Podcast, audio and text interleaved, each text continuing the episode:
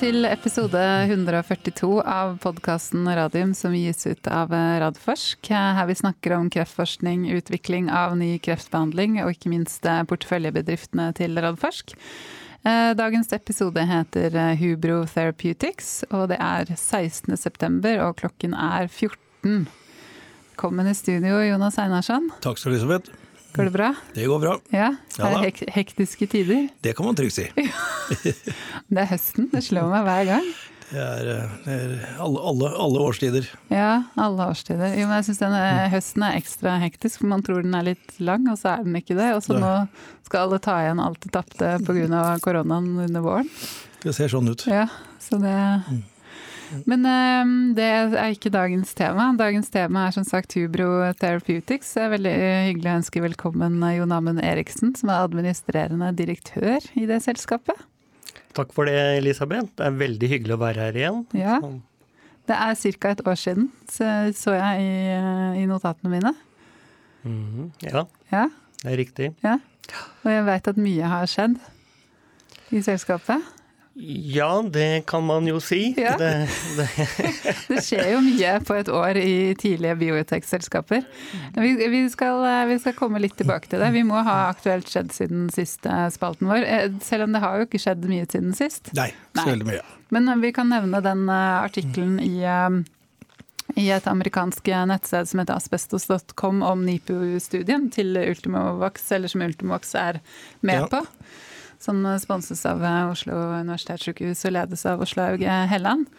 Eh, og så er jo da Jens Bjørheim, medisinsjef i Ultimox, eh, intervjuet eh, i den artikkelen. Eh, jeg har allerede delt den på jeg tror både Twitter og Facebook, så de som er nysgjerrig på det, kan jo gå mm. inn og kikke, kikke der. Um, da, Jon Amund, skal vi konsentrere oss om, om uh, Hubro. Altså, jeg pleier ikke å lytte på gamle episoder, men uh, jeg følte at det var, et år siden du hadde vært med oss sist, og vi har ikke prata så veldig mye sånn i detaljer om det som har skjedd, om, om selskapet, så jeg tenkte nå, nå, for en gangs skyld må jeg høre på en gammel historie eller en gammel episode og, og huske hva liksom Hubro er. og det det vil jeg anbefale alle å gjøre hvis man vil høre mer om altså, din 40 år lange karriere innenfor legemiddelutvikling og forskning og biotek. Og da som da Hydro var engasjert i, i det med kreftforskning. Og Hubro spinner jo ut av, av denne historien her. Um, jeg tenker Vi kan ikke dra den helt igjen, men for de, av, for de kanskje lytterne da, som ikke har fått gjort som meg, gått tilbake og hørt på historien og ikke kjenner dette så godt, kan du ikke ta liksom Forklare selskapet i lys av den konteksten? Ta en sånn lite utdrag av den. Jo, det Som sagt så bygger jo også Hubro på mye av den immunterapiforskningen som Norsk Hydro gjorde sammen med Radiumhospitalet gjennom 90-tallet. Eh, og eh, hovedfokuset var der hele tiden på spesifikk immunterapi. Altså å forsøke å aktivere immunsystemet, og da spesielt T-cellene, til spesifikt å kunne gjenkjenne eh, kancerceller. Og targets er da mutasjoner i, i genene til kancercellene som da ikke finnes i andre friske celler. Og da har man en, slags label eller eh, etikett eller merke som man kan eh, få T-cellene til å gjenkjenne helt spesifikt. Og måten man eh, aktiverer T-cellene, det er da å bruke peptider, altså små syntetiske proteiner, eller biter, av de som representerer de mutasjonene. Og da, Ved å vaksinere ved disse peptidene, så får man da spesifikke T-celler som gjenkjenner da disse kancermutasjonene, og kan da sette i gang et immunologisk angrep og drepe kancercellene. Eh, det er kort fortalt eh, teknologien. Og eh, i gamle dager, for å si det sånn, så jobbet det prosjektet var jo ganske et pionerprosjekt. Så der jobbet vi med tre forskjellige targets. Det ene var da RAS-mutasjoner, som Targovax eh, har jobbet med. Og så var det telomerase, som eh, Ultimovax jobber med. Og så Den tredje var da såkalte fremskiftmutasjoner, eller leserammemutasjoner, som er assosiert med det vi i dag kaller MSI-kansere. Eh, og Det er det prosjektet Hubro har da tatt opp. Og det er jo ikke sånn at vi er en dinosaurus som våkner fra gammelda. Vi bygger på kunnskapen og, og den teknologien. Grunnlaget ble lagt da, og så har vi selvfølgelig med oss all kunnskap som er generert over de i hvert fall siste 30 åra i immunterapi. Mm. Ja, for det er vel heller sånn at dere var veldig tidlig ute den gang da. Eh, og så nå på en måte så er, kan man si at ting er litt mer modent i forhold til å få det gjennombruddet som dere representerer. Det er jo ikke så lenge siden MSI høykreft ble At Keytruda ble godkjent for det. Nei, det er noen få år siden. Ja, ikke sant? Mm. Mm. Nei, det har jo blitt eh, For å si det sånn, det er riktig, det var et pionerprosjekt. Så eh, Hydro var i sin tid det selskapet som var kanskje først ute i verden med peptidvaksine, eller vaksine mot kanser i det hele tatt. Mm. Uh, og siden uh, liksom, Problemene har hele tiden vært at man får gode responser på vaksinen, altså T-celler, men så har, har, kliniske effekter uteblitt. Og da man uh, kom gjennom disse checkpoint-inhibitorene, som Keytruda er kanskje det beste eksempelet på, så var det egentlig Det er da hemmere som på en måte opphever bremsene på T-cellene. Og pga. at de bremsene oppstår med en gang en kancercelle blir angrepet av en T-celle, så forsvarer kancercellene seg. Det visste vi ikke eh, for 15 år siden. Nå vet vi det, og det er det gjennombruddet for immunterapi. Og da kommer også vaksiner i en helt annen setting. For checkpoint-inhibitorene de måte hjelper bare T-cellene i gang igjen. De har ingen spesifikk krefthemming i seg selv. Så de trenger T-celler, og det er det vaksinene leverer. Mm. Da helt spesifikke kancerreaktive T-celler. Mm. Um, MSI har kreft. Kan ikke du forklare litt eh, hva slags type kreftformer er det man tenker, eller hva, det, hva slags kreftformer er det? Ja, det er eh, de tre store. Det er jo kolokancer, og så er det magekancer, og så er det livmorhalskreft, faktisk. Det er de tre store MSI-kanserne. Mm. Det finnes en eh, liten grad av MSI i nesten alle kansere, men disse er de tre store. Mm. Eh, og, den bakenforliggende grunnen her, det er at man har feil i reparasjonsenzymene. Altså de enzymene som sørger for at genene våre, altså DNA, er intakt. Eh, og noen av oss har eh, det fra fødselen av. Vi arver sånne feil i genene for enzymene. Eh, det er såkalt Lynch syndrom. De blir diagnostisert. Det er risikofamilier, og de har høy risiko for å utvikle MSI-kansere. Og så er det i tillegg en del av de mer sporadiske kanserne, altså det man vanligvis kaller kanser man får. Det er eh, også de har en høy andel at de får disse feilene i reparasjonsenzymene, og så utvikler de kanser. Mm. Så, så, dette er da kreft som kan diagnostiseres? Altså så man har en Og så kan du diagnostisere at det er MSI high. Yes, ja. det gjøres i høy grad i kolonkancer, og det er resultatet av Kate bl.a. Ja. Det å vise at det er i disse kanserne checkpoint-inhibitorene virker godt. Og det er nettopp fordi at det har en høy mutasjonsgrad, mm. slik at det også oppstår spontane T-celler. Mm. Eh, og det er der vi kommer inn, at vi kan i tillegg til å øke altså T-cellene i disse pasientene, og kanskje da også øke effekten av checkpoint-inhibitorene. Men så kan vi også eh, ved å vaksinere generere T-celler i kansere som ikke har disse spontane T-cellene. Mm. Og det er der, bare for å fortsette litt, og i og med at man kan diagnostisere disse enzymfeilene, som man gjør da i Lynch syndrom og andre risikogrupper, så er det også et ganske stort, klart potensial for profylaktisk vaksinering mm. med disse vaksinene som eh, Hubro jobber med. Mm. For de som ikke kjenner så godt til begrepet profylaktisk? Ja, Det er beskyttende da, på, ja. på vanlig måte. Covid-19 f.eks. Der ja. jobber man for å forsøke å finne en profylaktisk vaksine som beskytter mot å få sykdommen. Ja, Så her kan man bli eh, diagnostisert med det, og så kan man eventuelt med de, med de vaksinene som dere er i ferd med å utvikle, da kan det kanskje virke beskyttende? Ja, det er et helt naturlig eh, perspektiv for framtiden å gå inn og se på Lynch syndrom og vaksinere profylaktisk for å se om man hindrer utbrudd av eh, kreft. Mm. Hvor, hvor, eh, eh, mange er det som har Lynch syndrom? Det vet jeg ikke. Nei. Det er, det er, nok flere enn som er registrert. Ja. Men en, en, del land har jo klare registre på familier mm. med, med Lynch syndrom og andre risikogrupper. Mm.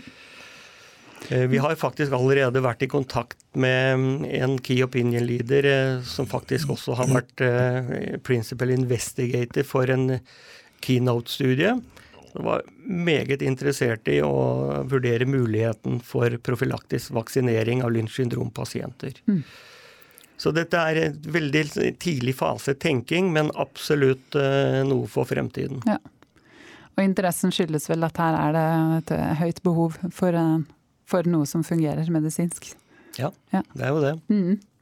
Um, dere har Er det tre vaksinekandidater i pipeline? preklinisk? Ja, du kan si vi har eh, Det er det vi på en måte har eh, signalisert, vil jeg si det. Vi, har, eh, vi jobber jo med å ut Vi har én vaksine, eller kan, kandidat, da, som skal ut i klinikk. Og I tillegg så jobber vi med flere target fremskiftmutasjoner som er vesentlig i MSI-kansere, slik at vi bygger egentlig opp et panel av, av eh, peptider, som da kan brukes som enkelt eh, men også på sikt at vi konstruerer da blandinger, slik at vi har en multitarget vaksine. Og Det er kanskje det som er fremtiden, spesielt med, med tanke på profylaktiske vaksiner, i hvert fall. Mm. Eh, og De tre vi jobber med nå, det er TGF beta R2, som er den som skal ut i klinikk. Eh, og så har vi også prekliniske tidlige data på mm, et annet antigen, som er ASTE1, som er veldig hyppig i livmorhalskreft, men også i kolon, så det er grunnlag for å blande de også. Og så er det det panelet jeg snakker om, da, som vi på en måte ikke har definert ennå, men vi driver og tester i mm, in vitro-eksperiment for å se hvordan vi kan blande de sammen, rett og slett. Mm. Og den første du nevnte, hvilken kreftform?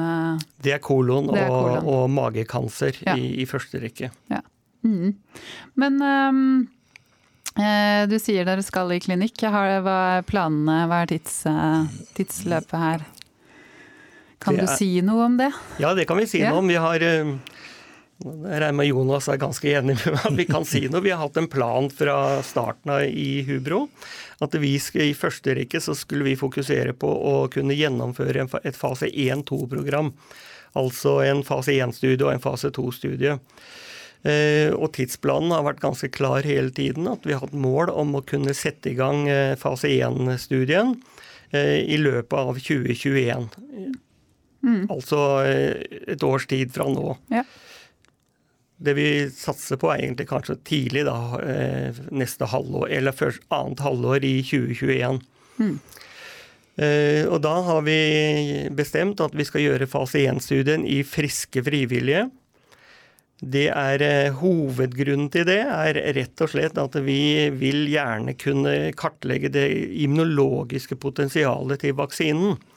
Og det gjør vi best i friske frivillige, og også da får vi helt klart et mer solide immunresponser, slik at vi får også et materiale for å kunne begynne å karakterisere hva slags T-celler vi får osv. Så, vi måte har et slags potensial å strekke oss etter også da vi går inn i, i pasientene. Mm.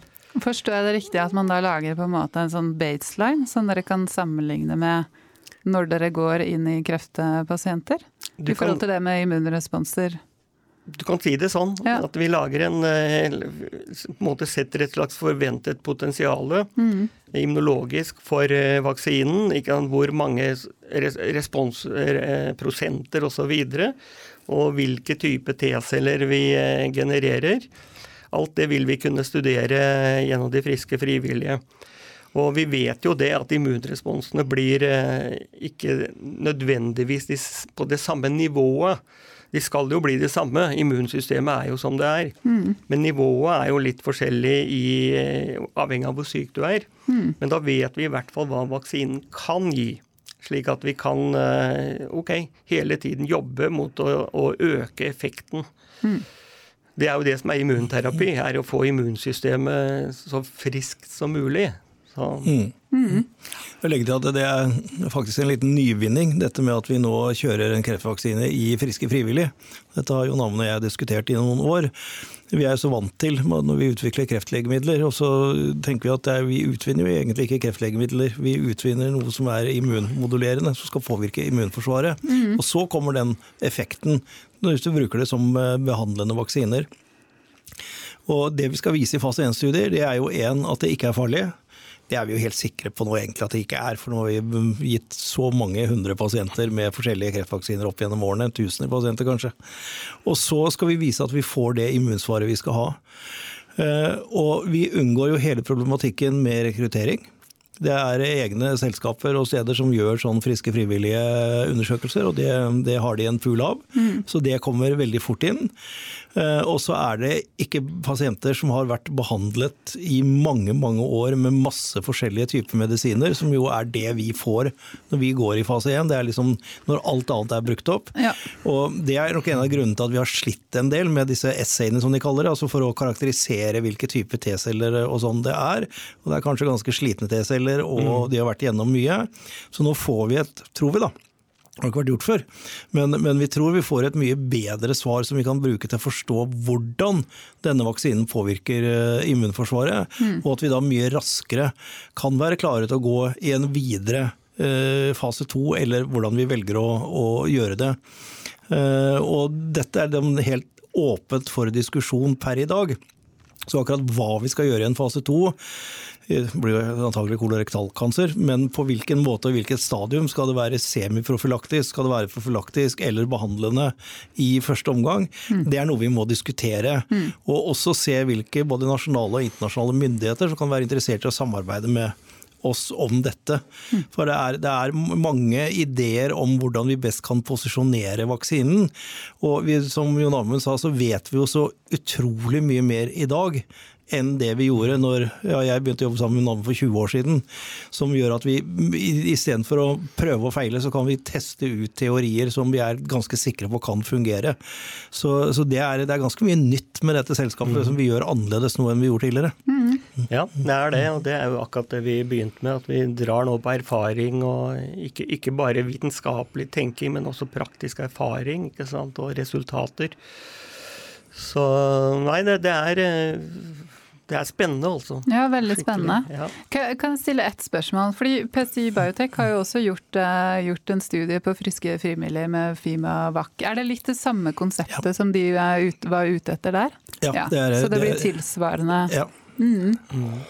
De har en litt annen form for teknologi, men de brukte jo denne, denne, andre adjuvanten og sammenligna om den adjuvanten ga bedre resultater i de som fikk PCI-teknologien enn de som ikke, mm. ikke, fikk det.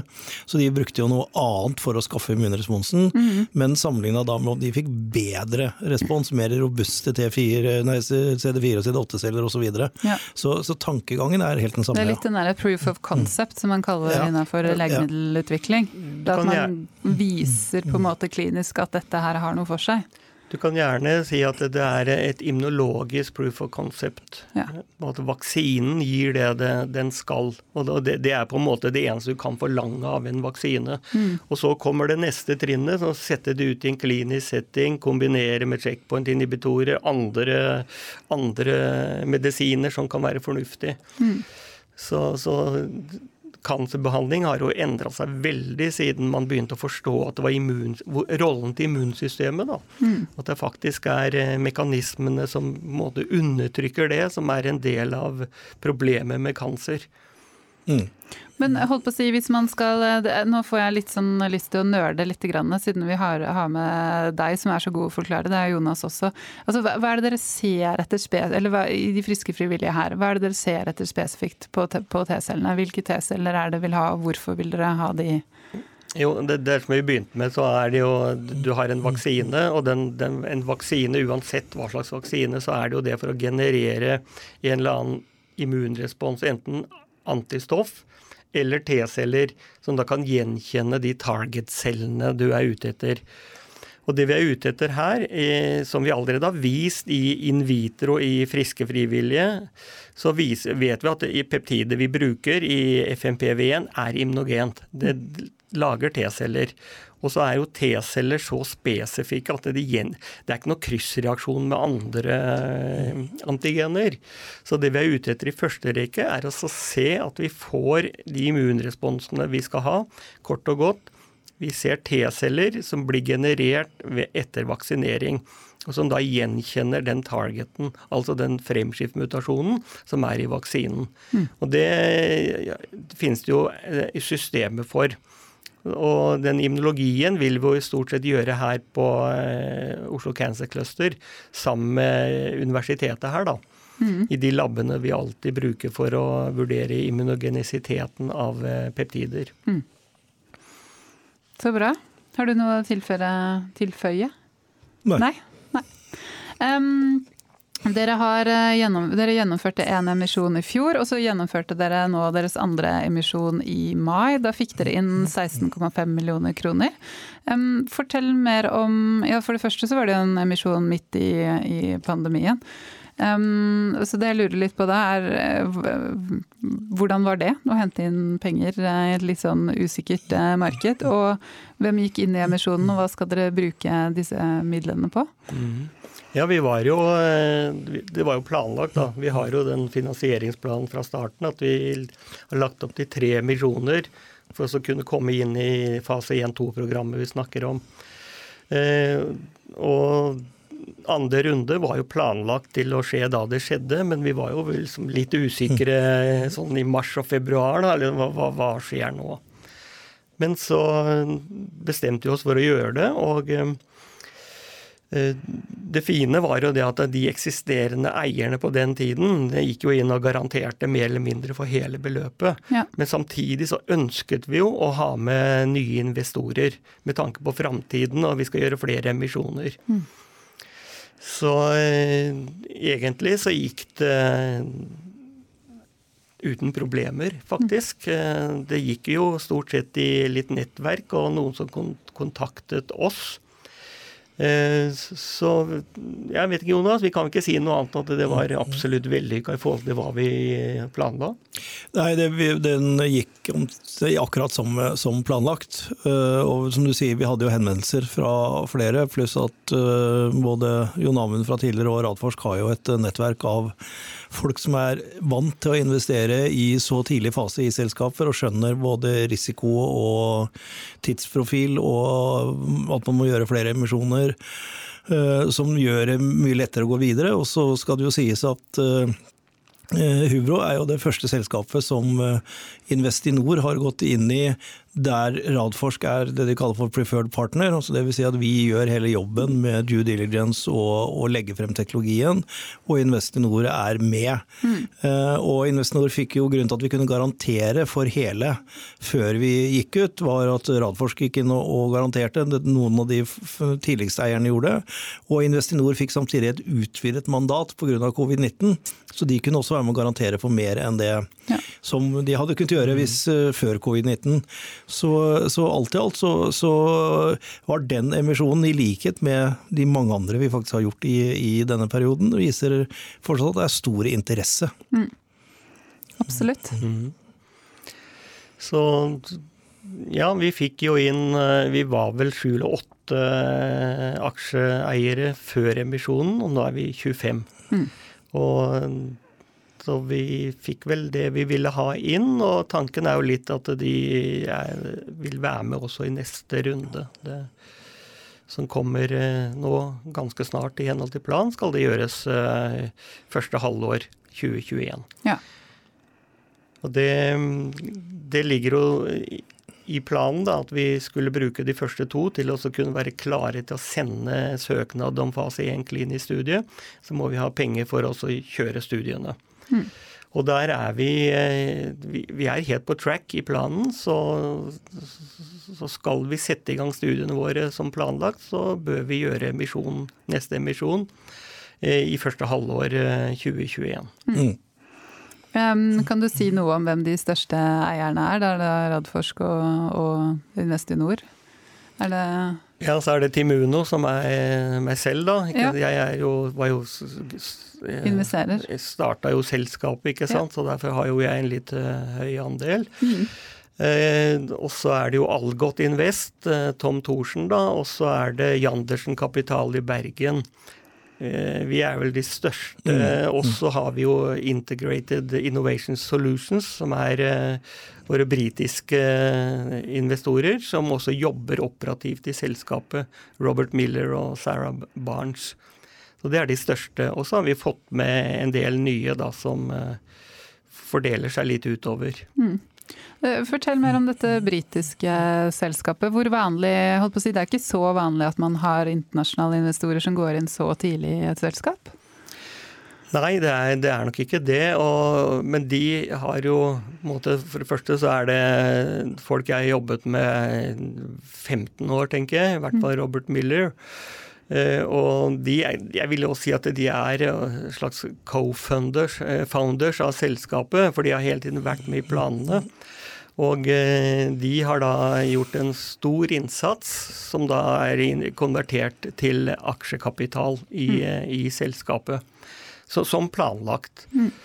Legg deg, dette, dette er høyt kvalifiserte folk innenfor det å utvikle kreftlegemidler. Ja, ja. Og de har et konsulentselskap, mm. men istedenfor å selge sine tjenester til Hubro, så, så tar, de betaling, i, tar de betaling i ja. å konvertere til eh, egenkapital etter de samme kursene som andre emisjoner mm. settes til. Mm. Så det er en veldig smart måte å få inn eh, smart kapital på. Mm. Ja. Og de eh, måte, forpliktelsene de har, det er egentlig å være med til vi leverer en, eh, en eh, søknad om klinisk utprøvning. Mm. Men de vil selvfølgelig være med videre, og vi diskuterer nå for tiden hvordan de skal jobbe sammen med Hubro i, i framtiden. Og det kan også være ansettelser direkte. Mm. Men det, det, finner vi gode løsninger på sammen. Ja. Og, det regner vi med i hvert fall på plass, eh, hvordan vi vil gjøre det før neste emisjon. Mm. Så vi syns det er litt viktig at det er avklart. Ja. ja det er eh, holdt på å si, det er eh, ryddig. Um, dere har jo selvfølgelig også utvidet teamet det siste året. Hvem er det du har med deg nå? Nå har du jo fortalt litt da, om disse, disse britiske som er med og jobber inn. Men jeg vet også at Berit Iversen, som har lang fartstid fra Targovax, som du har jobbet sammen med der, er blitt med deg inn? Ja. Ja. Hun, vi ansatte Berit uh, Iversen som uh, senior vice president på produksjon og quality assurance, som det heter. Uh, hun startet 1. mai. Og det har vært en super gevinst for selskapet. Ikke bare det at hun er veldig flink og erfaren, men hun, hun glir jo rett inn. ikke sant? Hun vet jo, kjenner jo teknologien og hun er også inne i det nettverket som vi har på CRO-er og CMO-er for produksjon og alt vi trenger rundt eh, produksjon og supply til eh, kliniske studier. Mm. Så det er jo en super ansettelse, vil jeg si. Um, og så I tillegg så i fjor høst så ansatte vi en forsker um, en, uh, i molekylærbiologi, mm. Henrik Kvalheim Eriksen. Uh, han jobber da med de metodene vi trenger for å uh, konfirmere mutasjonene i pasientene, slik at vi er sikre på at vi kun, da vi kommer til fase 2-studien, bare inkluderer pasienter som har mutasjonene vi skal vaksinere mot. Eh, og I tillegg så har han jobbet også eh, med å identifisere disse nye fremskift-peptidene som vi nå søkte patentsøknad på eh, i mai. Mm. Det er neste spørsmålet mitt. Mm. Visste du det? Ja. ja, sier han. Jeg regna med det. Men ja, still spørsmålet du, Elisabeth. Nei, men har du, med, har du med deg flere, eller? Nei, det er de, de vi er, er, nå, og de tenker Det er liksom kjerneteamet? Ja, det er fem stykker. Ja. Det er uh, både Robert og Sarah også jobber helt integrert uh, operativt. Så vi fem, vi Én, to, tre, fire, fem, ja. Driver med avansert medisinsk utvikling. Ja, vi, klarer, eh, vi tror vi klarer å gjennomføre, i hvert fall få i gang fase 1-studien. Mm. Men selvfølgelig så må vi, mm, i forbindelse med neste emisjon, så må vi eh, utvide eh, med flere ansatte. Ja. Mm. For, for rett og slett ivareta helt at å ha hender og hoder nok til å gjennomføre det vi skal. Mm. Det er mye, mye, jobb. Da er det disse patentsøknadene. For dere, dere leverte jo det i mai i år, eh, altså på en rekke neoantigener. Altså, hva, hva, er det dere søker patentbeskyttelse for? Hvorfor er, det, hvorfor er det viktig? Eh, det er veldig viktig. Eh, for det første så Vi har jo startet med mm, framskift-mutert TGF-beta-R2, som er et antigen som er eh, velkjent, og som vi jobbet med også i, i hydrotiden. Men i verden går det fremover, og det finnes flere framskiftmutasjoner som er lignende, men det er da andre gener. Og så vet vi det at det er eh, forskjellige pasienter kan ha forskjellig mutasjonsprofil. Eh, og til og med samme pasient kan ha litt forskjellig mutasjonsprofil i, eh, i forskjellige lesjoner. Metastase, primærtumor osv. Eh, og det vet man nå, at det er ikke nok kanskje til slutt å bare kurere én kanserklon som har en gitt mutasjon. Så på sikt, på framtiden, som jeg allerede har vært inne på, så ønsker vi en multitarget-vaksine.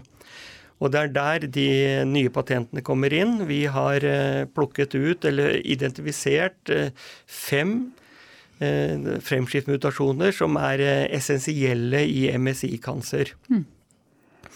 Det er de vi nå har definert, designet peptidantigener og også syntetisert. og som Vi har også testet noen av in vitro. Og vi tester flere i disse dager for å støtte patentsøknaden. Så, mm. så, den patentsøknaden gir oss, sammen med den første, gir oss da IP som gir oss muligheten til å utvikle våre egne IP-beskyttede vaksiner, single target og, og blandinger av, av disse. Mm.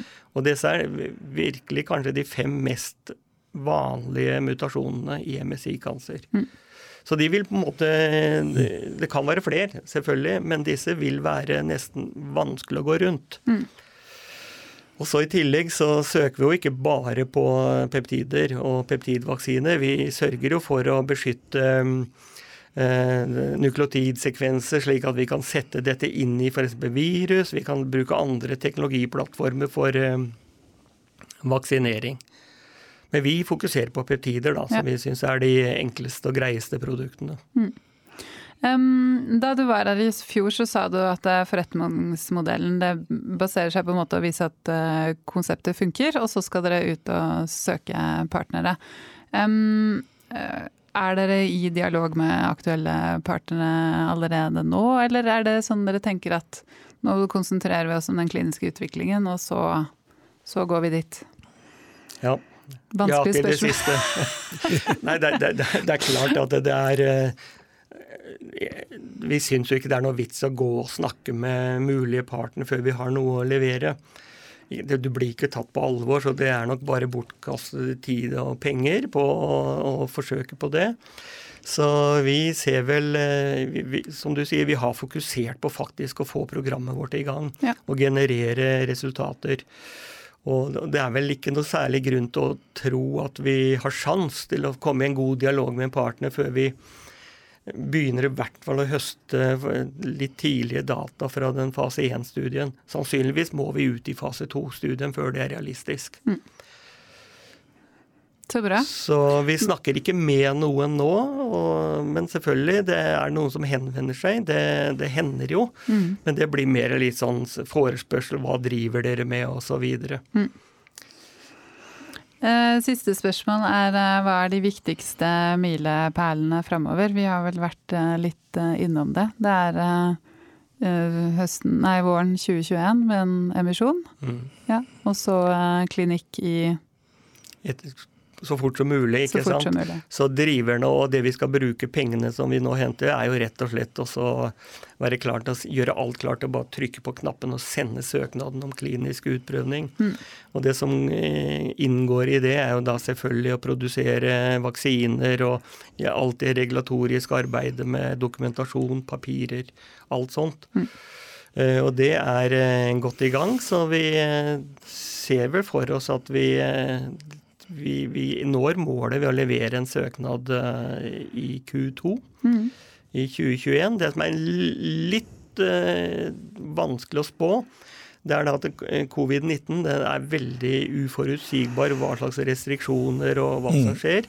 Så det kan være at logistikken rett og slett gjør at det blir litt forsinkelser. Og det er rett og slett i forhold til produksjon. Mm. Foreløpig så ser det ikke sånn ut. Mm. Så ser dere for dere å gjøre studier i Norge, eller er det liksom deres, Det må dere se Fase 1 går 100 eh, på ett senter i ja. Eh, England, UK. Ja. Det er et senter som er spesialisert på friske frivillige. De har de, har de jo gående, og det må å si. Så, så, her får man de de Så det er jo så å sette opp en studie i friske frivillige. Det blir jo helt enkelt, ikke sant. Så vi regner med at det kan vi gjøre unna på et halvt års tid, faktisk. Mm. Sammenlignet med kanskje et par år hvis vi skulle gått ja. ut i pasienter. Mm.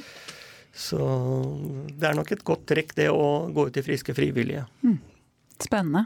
Har du en kommentar før, du, Jonas, før vi går over til eh, spørsmål fra lytterne, som vi har fått en del fra? Ja, nei, altså Jeg syns dette er, er, veldig spennende å være med på. Og som jeg har sagt hele tiden, at grunnen til at Radforsk eh, ville gjøre dette sammen med med Jon Amund, er at vi mener bestemt at uh, tiden jobber for oss med at uh, peptidvaksiner finner sin plass i immunterapibehandlingen. Og da er, kunne vi ikke gå glipp av å bruke dette på en måte tredje delen av, uh, av det de utvikla på, på 80-90-tallet. Og være klare til å være del i det som jeg tror kan løfte immunterapi enda videre. Og da er det å være posisjonert og ha noen kliniske data når det skjer. Og så får vi se om vi treffer sånn tidsmessig at da er det så stor interesse at det er lett å gå videre med, med prosjektet. Men det er på en måte litt sånn teknologirisikoen på at Jon Amund og co ikke klarer å utvikle en peptide, peptid som lager T-celler som gjenkjenner disse mutasjonene i de sykdommene, den er atskillig mindre nå.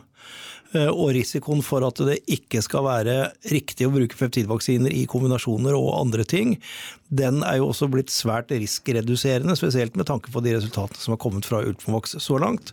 Sånn at jeg, jeg, tror vi treffer tidsvindu.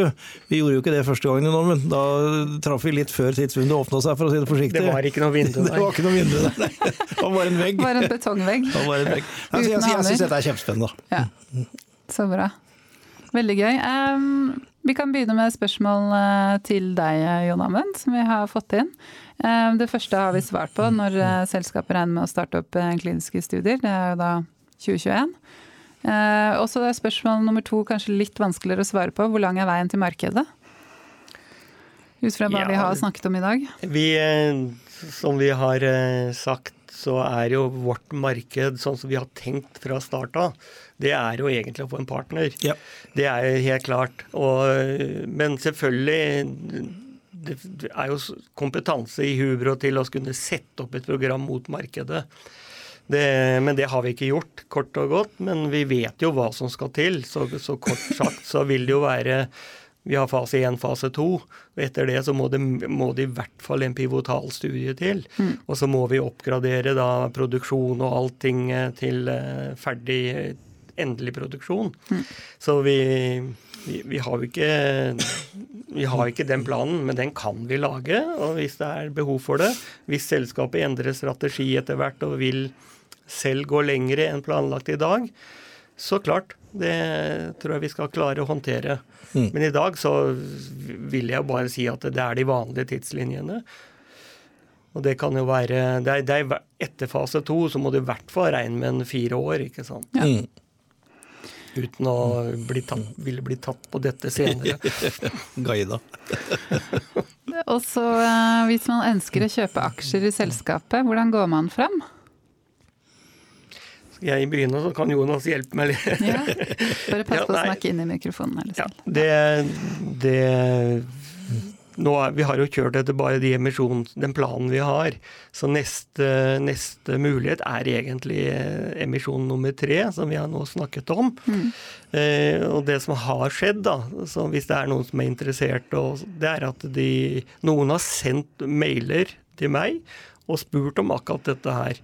Og da er mitt svar til dem akkurat det jeg sier nå, at vi legger dere, lager en liste, og vi kontakter dem hvis det fortsatt er interesse, neste emisjon.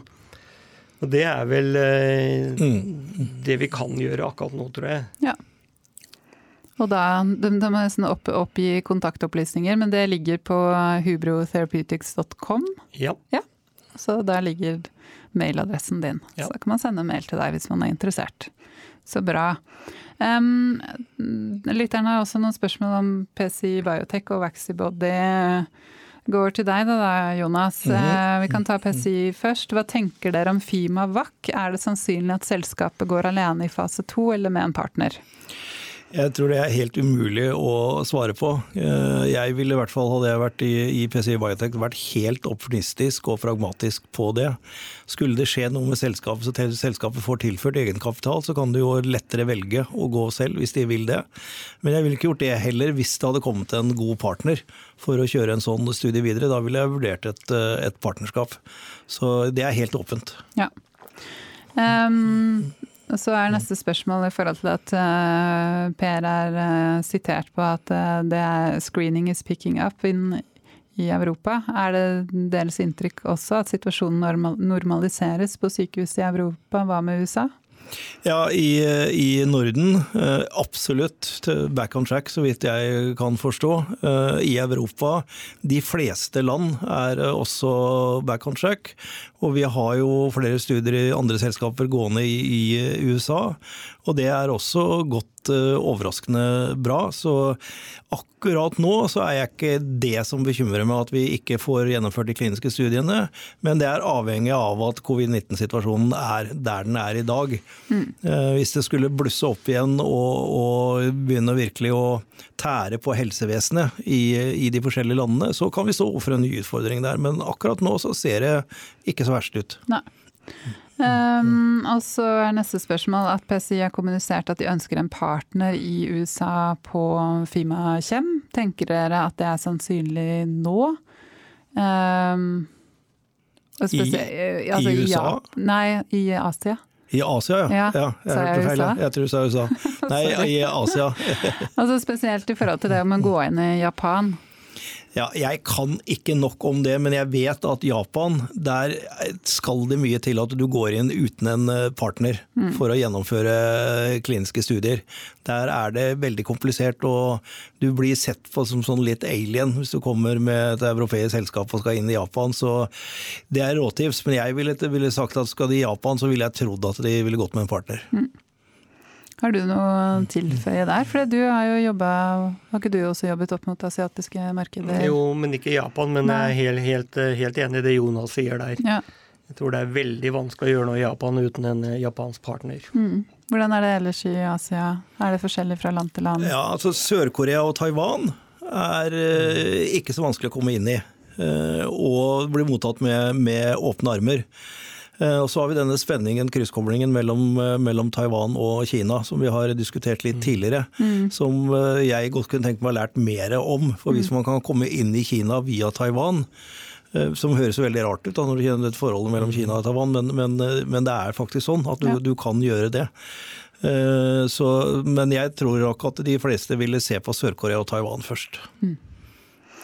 Uh, Vaxybody. Hva blir neste skritt for Vaxybody? Vi har ikke hørt noe nytt om Neo-studien på nesten et år. Kan vi forvente dataslipp snart? Og hvis disse er gode, trenger vi selskapet penger til neste fase. Kan denne bli pivotal i så fall? Uh, vi kan stoppe der. Det var mange spørsmål i ett, og så er det et spørsmål til. Eh, Ja, vi forventer jo resultater. Eh, Nye oppdaterte kliniske resultater. Og Hvis jeg husker riktig fra sist gang vi hadde de her, og eh, kvartalsrapporten, så forventer vi den ganske så snart. Ja. Så det blir kjempespennende å se. Eh, Hva var det neste? Om vi kan forvente dataslipp snart. Ifølge Ja. Q2-rapporten deres så kommer det denne høsten her. Ja. Ja. Og så er spørsmålet hvis de er gode, trenger vel selskapet penger til neste fase? Ja, det er igjen helt avhengig av både Strategi. hva viser resultatene, og hva er den videre strategien, og det vet vi ikke. Dette er jo en, en, virkelig en proof of concept-studie. Vise at de kan produsere enkeltvaksiner, at de har 100% effekt, som jeg har skjønt at de faktisk har. At de har lykkes med hver eneste pasient de har produsert vaksine til. At de får ned tidsløpet det tar å produsere, og det ser også ut som vi har eh, fått til. Og da blir det å velge strategien videre. Og når man velger strategien Det er sånn det er i alle selskapene. Så velger vi hva skal vi gjøre nå. Og så må vi si at vi kan aldri sette i gang nye studier før vi er sikre på at vi har finansiering til det, som Jon Amund akkurat har sagt med, med Hubro. Mm. Vi sender ikke inn noen, eh, trykker ikke på knappen og sender inn noen søknad før vi vet vi er finansiert. Hubro skal gjøre det ved en emisjon.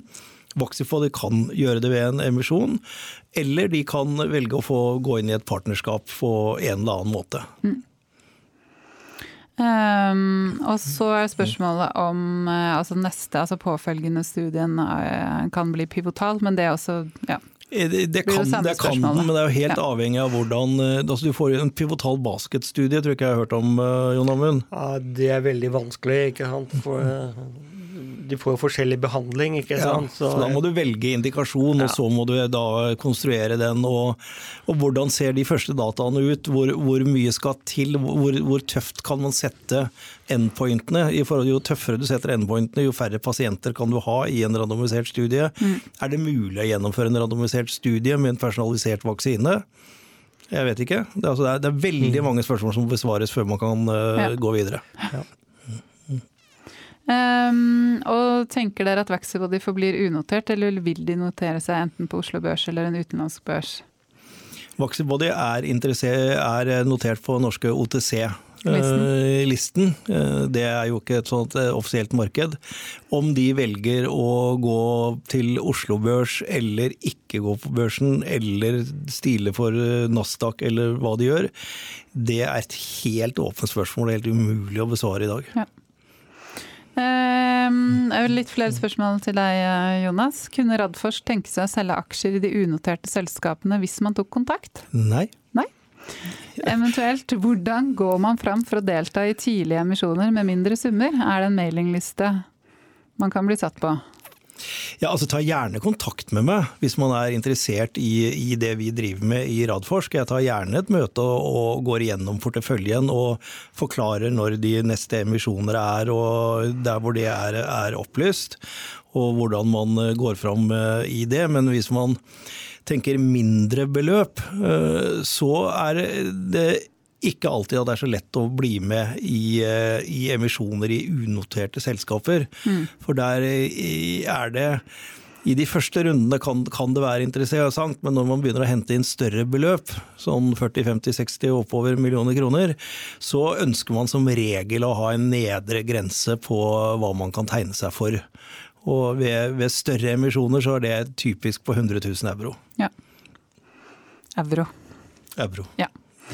Um, angående Ultimovax, hvorfor har terminologien rundt fase 2-studiene endret seg fra å kalle de pivotalstudier til randomiserte studier med potensial for registrering? Har det noe med at safety ikke er etablert for PD1-hemmeren? Eh, svar på det siste er nei. Vi har ikke noe safety issues i det hele tatt eh, så langt. Eh, og det forventer jeg for så vidt heller ikke. Eh, jeg så det spørsmålet du sendte til meg, og jeg kan ikke huske at vi har sagt pivotalstudie. Altså en Definisjonen for en pivotalstudie er at da du, gjør du én studie som du forventer at hvis man når primary endpoints på, er helt klar for filing. Du føler deg sikker på at du kan file på de dataene. Mm. Når vi kaller disse studiene vi kjører nå, for randomiserte studier med et potensial til en filing, så er det fordi at det hvert enkelt, Vi har jo flere studier i Ultimovax, og det er jo disse studiene som til sammen skal samle så mye data at vi kan klare å feile. Den første studien vår, den største som vi har full styring på selv, den håper vi at dataene blir så gode at vi faktisk med støtte fra data fra de andre studiene kan feile på den. Men dette er en litt annen måte enn å kjøre én stor pivotal studie. Dette er på en måte den nye måten å gjøre det på. Så jeg, jeg kan ikke huske at vi har kalt det for en én pivotal studie. Eh, og det riktige vil være å si at det er randomiserte studier som vi håper gir oss gode nok data til at vi kan på en eller annen måte, mange måter gjøre det på, mm. feile på de dataene. Ja. Um, kan man forvente at eh, Ultimax søker om accelerated approval pathway, sånn som PCI, PCI Biotech har gjort etter hvert, slik at potensialet blir klart kommunisert? Vi kan forvente at Ultimovax jobber intenst med å se på alle måter å akselerere godkjenningsprosessen på, hvorav dette er den ene. Vi kommer aldri til å kommunisere, kommunisere hva vi søker på, men vi kommer selvfølgelig til å kommunisere hvis vi får én eller flere av uh, måter å akselerere godkjenningen på. Mm. Og til de av lytterne som ikke husker det, så er du styreleder i selskapet. Ja, i Hubro ja. også, har vi sagt det. Ja. Og i hubro ja. ja. Da kom det på slutten. Vi tok disclaimer på slutten. Ja, det, det, er lov å være innovativ, er det ikke det? Um, jeg holdt på å si um, det, det, var alt for i dag. Tusen takk for at du kom uh, i studio, Jon Amund. Det, uh, det, har vært et intenst år for dere, og det er blitt spennende å følge dere, følge dere videre. Ja, ja, det er fint. Mm, lykke til med arbeidet. Takk for i dag. Ja, takk for i dag. Snakkes neste uke.